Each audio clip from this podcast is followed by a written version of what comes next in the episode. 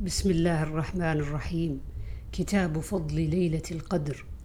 باب فضل ليلة القدر. وقول الله تعالى إنا أنزلناه في ليلة القدر وما أدراك ما ليلة القدر. ليلة القدر خير من ألف شهر. تنزل الملائكة والروح فيها بإذن ربهم من كل أمر. سلام هي حتى مطلع الفجر. قال ابن عيينة ما كان في القرآن ما أدراك فقد أعلمه وما قال وما يدريك فإنه لم يعلمه.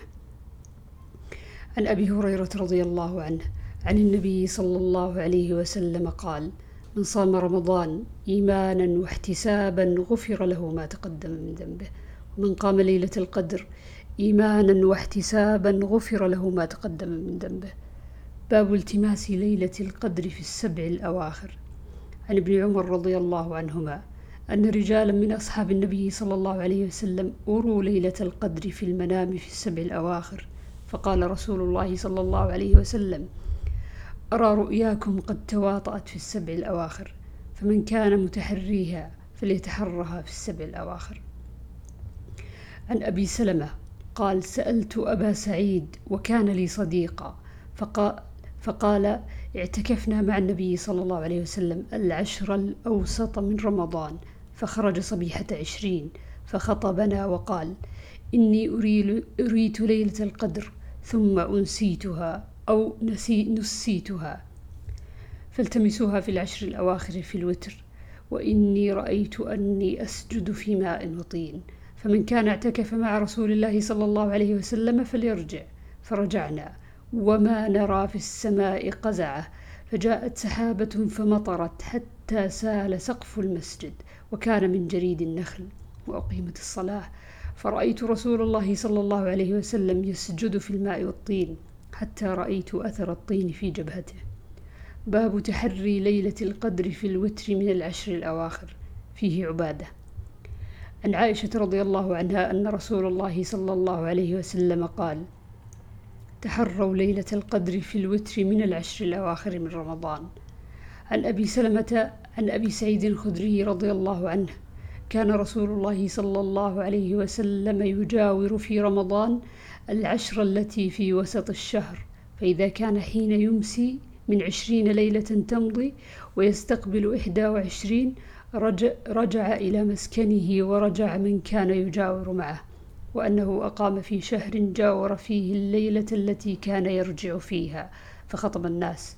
فأمرهم ما شاء الله ثم قال كنت أجاور هذه العشر ثم قد بدا لي أن أجاور هذه العشر الأواخر. فمن كان اعتكف معي فليثبت في معتكفه. وقد أريت هذه الليلة ثم أنسيتها فابتغوها في العشر الأواخر وابتغوها في كل وتر. وقد رأيتني أسجد في ماء وطين فاستهلت السماء في تلك الليلة فأمطرت فوقف المسجد في مصلى النبي صلى الله عليه وسلم ليلة إحدى وعشرين فبصرت فبصرت عيني رسول الله صلى الله عليه وسلم ونظرت إليه انصرف من الصبح ووجهه ممتلئ طينا وماء. عن عائشة رضي الله عنها عن النبي صلى الله عليه وسلم قال التمسوا. وعنها رضي الله عنها قالت كان رسول الله صلى الله عليه وسلم يجاور في العشر الأواخر من رمضان ويقول تحروا ليلة القدر في العشر الأواخر من رمضان. عن ابن عباس رضي الله عنهما أن النبي صلى الله عليه وسلم قال التمسوها في العشر الأواخر من رمضان. ليلة القدر في سابعة تبقى. في تاسعة تبقى. في خامسة تبقى. التمسوها في العشر الأواخر من رمضان ليلة القدر في تاسعة تبقى في سابعة تبقى في خامسة تبقى. عن ابن عباس رضي الله عنهما قال قال رسول الله صلى الله عليه وسلم هي في العشر هي في تسع يمضين أو في سبع يبقين يعني ليلة القدر. وعن ابن عباس التمسوا في أربع وعشرين. باب رفع معرفة ليلة القدر لتلاح الناس. عن عبادة بن الصامت قال خرج النبي صلى الله عليه وسلم ليخبرنا بليلة القدر فتلاها رجلان من المسلمين.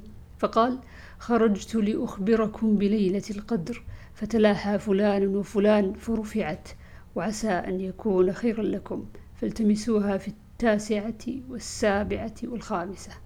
باب العمل في العشر الأواخر من رمضان. عن عائشة رضي الله عنها قالت كان النبي صلى الله عليه وسلم إذا دخل العشر شد مئزرة وأحيا ليلة وأيقظ أهله